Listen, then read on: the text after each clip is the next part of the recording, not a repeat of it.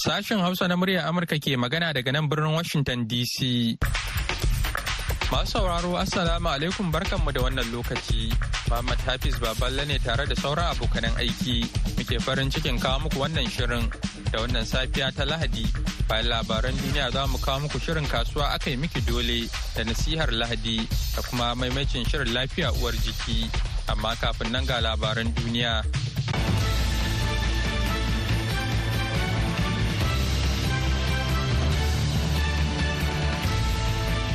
Jama'a salamu alaikum da fatan an waye gari lafiya.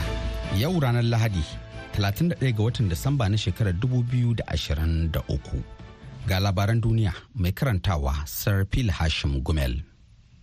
Ya kamata yankin iyakar da ke tsakanin zirin Gaza da Masar ya kasance ƙarƙashin ikon Isra'ila don tabbatar da babu wata ƙungiya mai ɗauke da makamai a yankin, in ji Firaministan Isra'ila Benjamin Netanyahu a wani taron manema labarai jiya Asabar.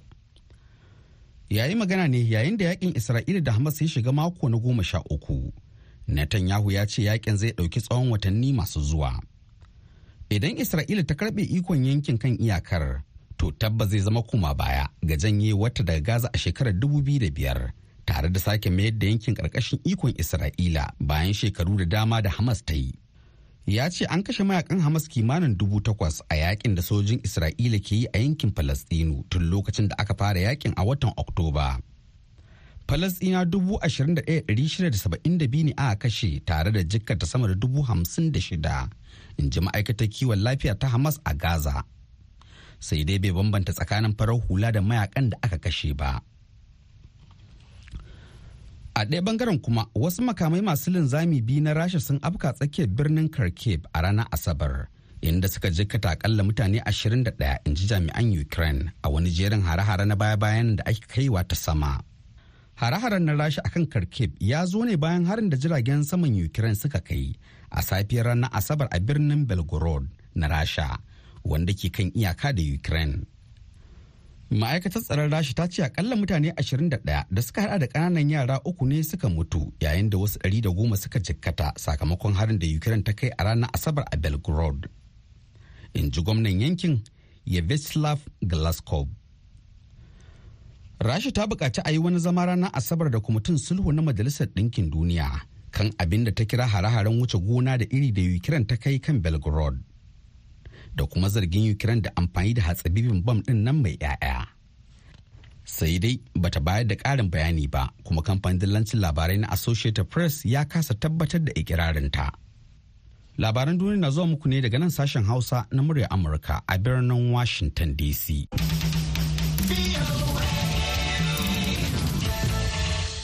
Wata ƙungiyar kare haƙƙin jama'a da masu fafutukar kare haƙƙin bil'adama sun shigar da ƙara a ranar Asabar. Kan katafaren kamfanin samar da abinci na amurka da monte kan zargin kashe-kashe da shin zarafi a babbar gona abarba da ke kusa da nairobi. Karar da aka shigar a babbar kotun ƙasar kenya ta kuma kasance a madadin mutanen da suka ce jami'an tsaron del sun ci zarafinsu da kuma 'yan uwan waɗanda aka ci zarafin. Kamfanin wanda ya ɗauki ma'aikata dubu shida a kenya ya taɓa fuskantar zarge-zargen cin zarafi da tashin hankali a baya. Ba a iya tuntuɓa shi nan take domin jin ta bakinsa ba. A wani lamari na baya bayan nan, 'yan sandan Kenya na gudanar da bincike kan mutuwar mutane huɗu da ake zargi da ƙoƙarin sata abarba a cikin wata gona ta Delmont da ke kusa da Thika, arewa maso gabashin Nairobi, babban birnin ƙasar. Daga ƙarshe ƙasar Venezuela ta ce za ta ci gaba da jibge dakaru kusan dubu shida har sai wani jirgin ruwan sojan Birtaniya da aka aike zuwa Guyana makwabciyarta ya bar gabar tekun ƙasashen biyu na kudancin amurka. Wannan dai shine na baya bayan nan a tashin hankalin da ke ƙara taɓarewa tsakanin venezuela da tsohuwar ƙasar da birtaniya ta yi wa mulkin mallaka. Kwanan nan ne rikicin ya sake tasowa kan ɗiyaucin yankin da aka kwashe shekaru ɗari ana gubzawa bayan da aka gano albarkatun mai a guyana. Hakan ya ta'azzara ne lokacin da Venezuela ta ba da rahoton cewa 'yan ƙasarta sun kaɗa ƙuri'a a zaɓen raba gardama na ranar uku ga watan Disamba don neman kashi biyu bisa uku na ƙaramar makwabciyarsu.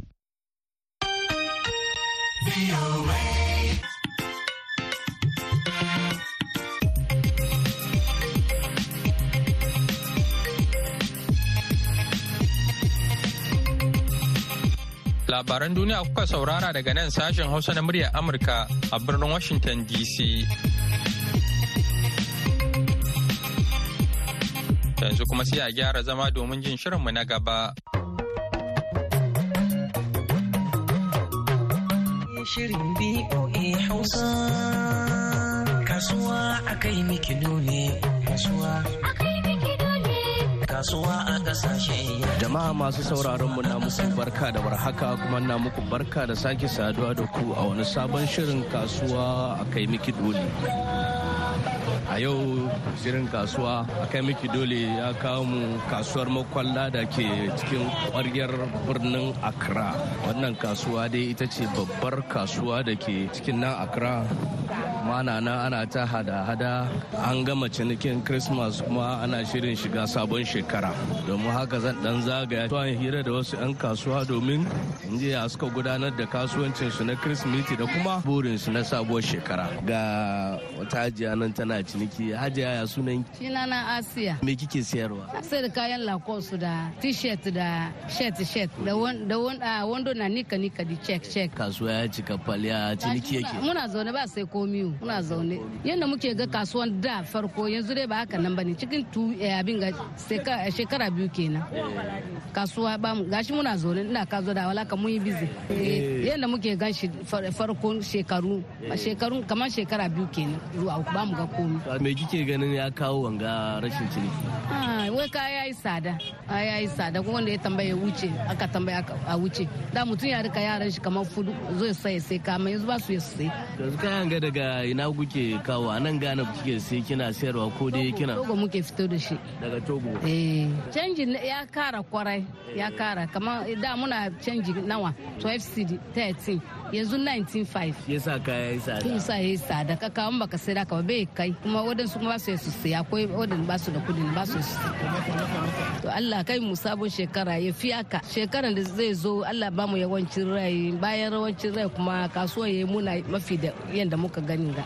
Allah gana kuma Allah ya ajiye shi lafiya. Ya ajiye shi lafiya ya je gaba. Gana ya je gaba ya je gaba. Ba wai sabon shekara walaka gana ya fi haka. Masu wanda ke cikin da ya zo zo ga kai zo kuma Allah kiyaye muna shi ya wuce wancan she- shekaran ga ya wuce sabon shekara ya muna circi Sunana Sakina. kina me kike sayarwa Ina su da jersey da jeans yara da boxer da singlet. Jeans na shi da top shi da Lacoste. Shi Top nake wato sayar. kina nufin riga kenan da wando Eh. ya cinikin yake tafiya Da mu ga na na ce saboda school nan ba mu ga shi yadda muka muka muka san shi tun da. Eh kaso yanzu nan ya sake. Ba kamar da ba ne. ba kasuwa ba ka eh ba kasuwa. Kaya yi tsada. Kaya suka zo ba su sai kaya yi tsada. Ya samu ma mai sai fa kuma ya je ya yi tsada. Abin da ya sa kaya kaya ya yi tsada kenan. Na faɗi sa sai sa wannan christmas in ciniki dai ba kamar yadda aka Ah, saba ba ba ba hakan ba yadda muka saba nan ba ne. Ya sake kura. Yanzu ga riga nan kin daga. Wanga riga kina ya kai nawa? Wanga riga shi 50 cities muke sa da 35 na ma yanzu 50 wanga jinsin gafa jeans da ko jeans 25 cities 30 50 amma yau muna sayar jeans guda 80 guda 75 yasa ba suka zo haka sai suna kuka sai 70 eh yanzu muna ɓangaren wajen masu sayar da takalma. Ya kuri sista ya su dai? Suna na niyya su kasuwa ya cika dai amma yadda muke so shi ba mu samu shi. An gode ma Allah. Ya zaki kwatanta shekaran da ya wuce? Shekara biyu da suka wuce da shekaran ganin da ciniki yake? Eh, wancan shekara last year ciniki yayi daɗi. Three years da last two years. Ciniki yayi daɗi. Amma this year kuma to muna duba. Kalman ga kina sai daga wani wuri ne ko dai a nan gane nan gana nike ɗauka. Yanzu kaman wanga ya kai nawa? Wani takalmi nan mai dan kyau na mata? 120 last. 120 eh. Dari da ashirin kenan. Eh. To wanga fa shi ma 150 wannan ya yi kama da na amare. Amare. Eh na so. Aga na yaran ga. Kamar 60 amma yanzu 80 cities wani ruma 100 da shi da na manyan duk ɗaya ne. Wanga haka las ya ta sibis eh ka gani? wannan na yara ne yan shekara biyu shekara uku. Wanga kuma isa. Wannan ma haka. Eh haka nan. Yan kuɗin su sorry for wannan kuɗin nawa? eh Eh. eh 90 eh wanga ne na 100 asiya wannan wanga wannan abu kamar haka kamar 60 An samu kari kayan yayi kenan. tsada. Sunana adam abdulkarim. Kai na ga kina sayar da kaya abinci da me da me yake sayarwa? Ina sai da tin tomatoes ina sai da mai salad free ina sai da soya sauce. Kayan dai na ke salad kayan abinci. Shinkafa kakado da garlic beans jatolele ni keke da kifi. Ina sai da kayan duka both. To yanzu ta ɓangaren ku nan makwalla kaya da ke sai kamar tin tomato ga babban ga nawa ne tumatirin gwangwanin nan? Yanzu aka ga yana cikin adakan 42 ni ma na sai da shi 45 wancan shekara da shi muna sai adaka bai kai shekaran gaba. Yanzu shekara da kayan da ake kara ba 1 cedi ba ba 2 cedi ba. Kayan adaka guda ana kara 200 300 yanzu ga mai na gani galon ga nawa ne da? galon ga da bai kai 100 ba yanzu 120 kuma yanzu wanga galon 170 yana cikin wani wuri 16 in ba ka yi yau ka yi ka same shi wani wuri 16 kai baka sayar 17 wayannan ƙananan fa. Kananan ga kuma raka shi 300 350 400 450 da bai kai haka ba 1 something. Haka muke sai. Za mu shiga sabon shekara. Wani buri kike da shi sabon shekara? Muna roka alhairi cikin gari. Saboda gari dukan kana nan alhairi ka roke shi ya zo kai ma ya shafe ka. Gaskiya muna roka ubangijin Allah ya shiga da mu sabon shekara lafiya muna rokan manyan gana su yi hankuri su duba mu. Wallahi garin ya kafi ya na kada kanka ka zo ka gani. Saboda gaskiya ina makwallon ga 30 something. Gaskiya makwalla dai na gaji. Akwai kuɗi ciki akwai bashi ciki akwai asara ciki. Amma duka Allah na yi. Kamin sabon shekara na ran shigan ga ya bani store ya mini lafiya da yawancin rai da family na duka ya ba mu zaman lafiya cikin kasan Ghana. Da yake lokaci ne na bukukuwan Kirsimeti da na sabuwar shekara na ziyarci kasuwar dabbobi da ke Seko wanda aka fi sani da Foyo a nan Accra inda na tattauna da dillalan dabbobi game da yadda ciniki ke tafiya da kuma burinsu na sabuwar shekara. sunana muhammad awal zinda. Nan nan ma foyo ne amma foyo na da girma branches daban-daban ne. Amma nan ga nan ga na las las palmas bayan new plan station. Gaskiya cinikin nan yana da slow. Na yanci ba kamar yadda muka saba ganin shi ba. Na na wancan shekara ya fi shekaran ga. Gaskiya na allah. Eh raguna na- wanga yana kai 2005 farin da kake ganin ga 2005 To wanda ya fi shi wani can mai brown da fari. eh shi ma ya kai 3005 Yanzu kamar wanga akuya shekaran da ya wuce eh. ko shekara biyu da suka wuce akan kamar nawa ake samu? Shekara dai da ya wuce wanga akuya befin 600 amma yanzu fa? 900 ko 1000 eh. Shi wancan fa? Eh, wancan da kace na 1003 na. Eh. Shekara shekaran da shekaran da ya gabata befin ya yi sada pa 900 za mu shiga sabon shekara muna roƙon Allah ya ba mu lafiya da zama lafiya. Kasashen duniya duka inda ake rigima duka Allah ya ba da zaman lafiya. Musamman mu sana'ar mu inda yake fitowa duka shine ake tashin hankali. Tun daga Mali Chad Niger Burkina inda kayan mu duka ke fitowa. Kashi nan duka ba zaman lafiya. Su an zaman lafiya ma mun same kayan mu da sauƙi. Yasa mu roƙon mu kenan Allah ya ba da zaman lafiya. Ya so mu duka mu yi sana'ar mu a cikin kwanciyar hankali. To gane fa sabu shekara mai waraka insha Allah muna cikin zaɓe ko an gama zaɓe. Allah ya sa a gama lafiya. A yi zaɓe lafiya a gama lafiya. Manyan mu kuma Allah ya taimake su. Su yi hankuri da juna da maganganun bakin su. A yi zaɓe lafiya a kare lafiya. Ni ne sunana Dauda Buhari a birnin Accra filin sadar raguna. Eh to mun gode da Allah Allah ya gwada muna sabon shekara ka Allah ya maimaita muna ya ba mu lahiya da, da rai da lahiya da, da zaman lafiya. Kasuwa dai to muna alhamdulillah alhamdulillah. Kasuwan kan da ya, fara. To ƙarshe dai ya kawo kukan ba kuɗi kaya kuma sun yi kuɗi kuma ba kuɗi kuma contractors yan contractor kuma wai gwamnati bai biya su ba. Son shi da wurin su muke samu dan kasuwa kadan kadan. Christmas dai an, an dan sai kadan amma new year dai to insha Allah dai ba mu rasa namu rabo. Wani buri kake da shi shekara mai zuwa? To shekara mai zuwa dai a musulunce mu duka yayan musulmai ne. Sanin gaibu shi Allah. Allah ne ya san rayuwar da za mu yi. Amma a guri na da addu'a na ne duk musulmai da muke nan cikin duniya Allah ya ba mu zaman lahiya. Allah ya kiyaye kawo zumunci ya ba mu zaman tare mu so juna. Ba mu yi bambancin wannan kiristiya ne wannan musulmi ne. Allah shi ne gaibu shi ya san da zai yi da kowa. Guri na ne kuma ubangijin Allah. Ya kare mu. Gana a nan gana takarar da za a yi Allah ya kawo muna wanda zai ba mu rayuwa ga Allah ya taimaka muna. Eh yan Niger Allah ba su zaman lahiya. Allah ba mu duka zaman lahiya. Don Niger albasa da dabbobi duka dai nan ga muke rayuwa mu da su. Don shi mu ma ba mu ji daɗin abin da ke faruwa wurin ba. Bangijin Allah ya sa ECOWAS kuma ya tausaya musu su ma su samu zaman lahiya kamar kan da duk Afirka da muke tare ubangijin Allah ya tausaya musu. Ya su daga alhaji adamu mai rago ne ne ciyaman kasuwan ga. Ya cinikin shekaran ga? To gaskiya shekaran gaba mu same shi yadda mu kaya ya saur da yawa gaban mu. Amma muna tsammani kila nan zuwa gobe da jibi kila Allah ya dalili. A shi amma dai kaya saura. Cinikin christmas ba same shi? Ba same shi yadda ake so ba. Same shi ya ya bambanta da shekarun baya. A gwamma last year da this year. Gwamma last year da this year. Me kake ganin ya kawo ka to rashin kuɗi rashin kuɗi. Ba kuɗi gare ba kuɗi. To shi ya bari mutane na ta abinci suke ba ta dabbobi suke ba yanzu.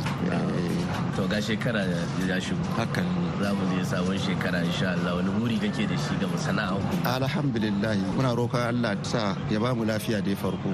Bayan lafiyan kuma ya buɗe muna kuma ya kawo saukin al'amari. Duk duniya baki da ba gana kawai ba. To masu sauraron mu inda za mu dasa aya kenan a shirin kasuwa a kai miki dole na wannan makon sai ku kasance da mu mako mai zuwa inda za mu kawo muku wani sabon shiri a madadin abokan aiki ni ne Idris Abdallah Bako na gabatar da shirin.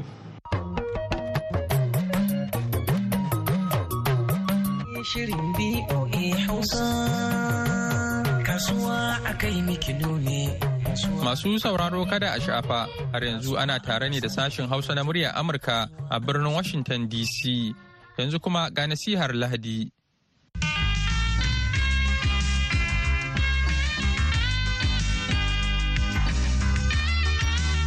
Jama'a maza da mata muna muku marhabin da wannan lokaci. sunana Reverend Sabo Baciri waza takardar ƙungiyar ikilisiyoyi evangelic na Niger. Yau kan magana shine Yesu Sarkin Salama. Yau za mu karanta littafin Luka Sura biyu aya goma sha huɗu. Mala'ika ta ce ɗaukaka ga Allah ta tabbata can cikin sama mafi ɗaukaka.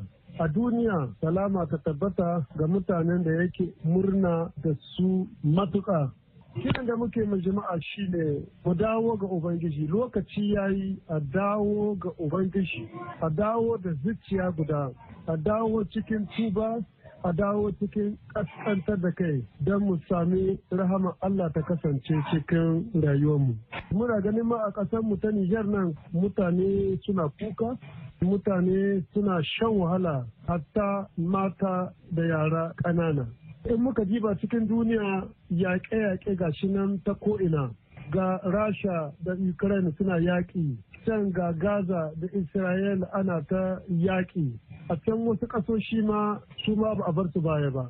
To sai mu gani salama tana nan ga tafiya kamar tana barin duniya. Roƙon da muke shine ubangiji ya ba mu ƙarfin zuciya don mu daure sai mu huta a cikin wannan lokaci. Mu yi addu'a mu roƙi ubangiji ya ba mu salama cikin zuciya. Yaya ne muke mu samu salama sai mun karɓi sarkin salama cikin zuciyarmu. Masu salama suke kawo salama. Ubangiji ya taimake mu mu duka.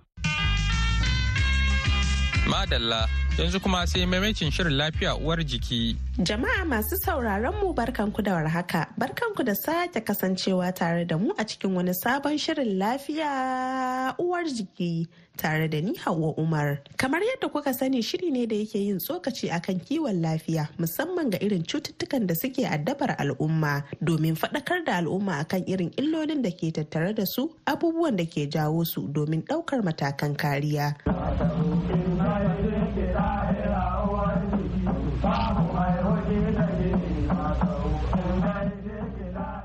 Masu iya magana suka ce waiwaye adan tafiya. Shirin lafiya uwar jiki na wannan mako zai yi bitar wasu darussan da shirin ya tattauna a kai a shekarar nan ta 2023 mai ban kwana. Ɗaya daga cikin darussan da shirin ya tattauna a kai shine anthrax wato cutar da aka samu bullarta a jihar Neja da ke arewa ta tsakiyar Najeriya. Dr. Hauwa Abdullahi da ke aiki a cibiyar nazarin kimiyyar ibtila'i da matakan kariya ta Najeriya kuma shugabar makarantar kimiyyar lafiya ta Dimsi da ke babban birnin tarayyar Najeriya Abuja. Ita anthrax wata cuta ce mai tsanani wanda ƙwayoyin cutar nan ta bacteria ke haifar da ita. Kuma yawanci ana samun ƙwayoyin cutar ne a cikin ƙasa kuma cutar ta fi kama dabbobi da na gida da na daji. Kuma alamomin cutar da anthrax ya danganta ne da yadda ta shiga jikin biladama cutan anthrax zai iya bayyana ne kwana ɗaya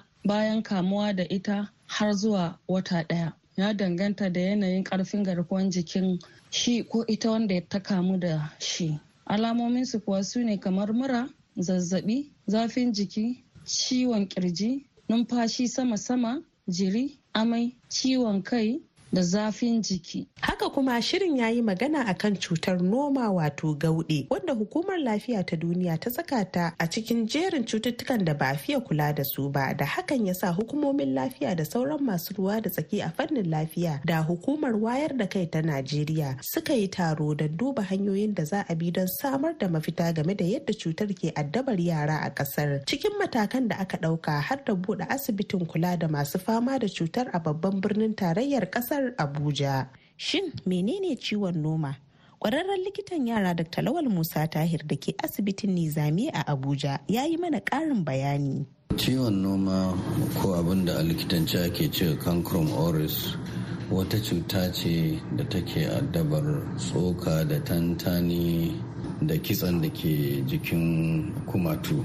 Tana fara da ɗan ƙaramin ciwo haka kamar ɗan ƙaramin gyambo cikin ɗan ƙanƙanin lokaci sai ta wawake naman da kitsen da sauran jijiyoyi da suke a jikin shi kumatun nan yadda haƙora za su fito waje sai ka ga ya ɓata wa mutum fuska matuka. Shin me ke kawo cutar?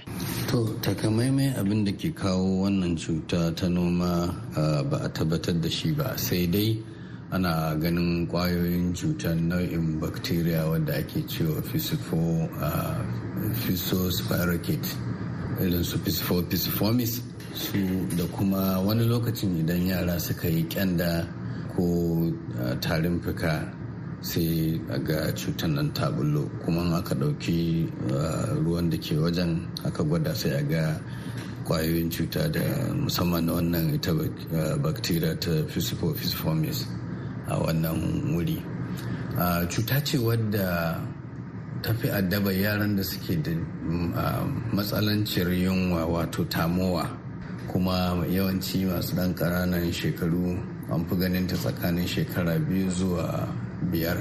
Amma ana iya ganin ta har sha huɗu wani lokacin ma a cikin al'ummar da ake samu matsananciyar tamowa har manyan mutane sukan iya samun wannan cuta. Shirin ya kuma duba ciwon kai mai tsanani da ake kira da migraine wanda ke zuwa da alamu daban-daban kuma yakan iya yin tsanani sakamakon haske kara ko kuma kamshi mai ƙarfi kuma yakan ɗauki tsawon wani lokaci kafin ya yi sauƙi. Dr. Muslim Bello Katagum na asibitin Ni'ima da ke jihar Bauchi ya yi bayani akan cutar. Migraine ciwo ne mai tsanani wanda yake damun jama'a da yawa wanda amma kuma da jama'a da yawa ba su san cewa suna da wannan ciwon migraine din ba saboda suna ɗaukan shi a matsayin kawai ciwon kai ne na yau da kullum sai su je suna ta shan paracetamol ko su panadol ko ibuprofen ko su diclofenac sai su ji dama dama. Amma kuma bayan kwana biyu kwana uku huɗu sai kasance wannan ciwon kan ya dawo. Kuma abunka da ciwon kan migraine yana da kamanceceniya da wa'insu cututtukan da aka dan sani yau da kullum kamar misali malaria. Dan shi ma yakan iya zuwa da ji kamar amai yakan zo da amai yakan zo da irin su dan jiri yakan zo da rashin jin daɗi. Sai ga mutum ya sha maganin malaria ya sha maganin ciwon kan ya sassauta masa amma kuma wannan ciwon kan shi bai bari ba bai kuma tafi ba. To wannan yana cikin manyan manyan alamun migraine. Wannan ciwo kuma na migraine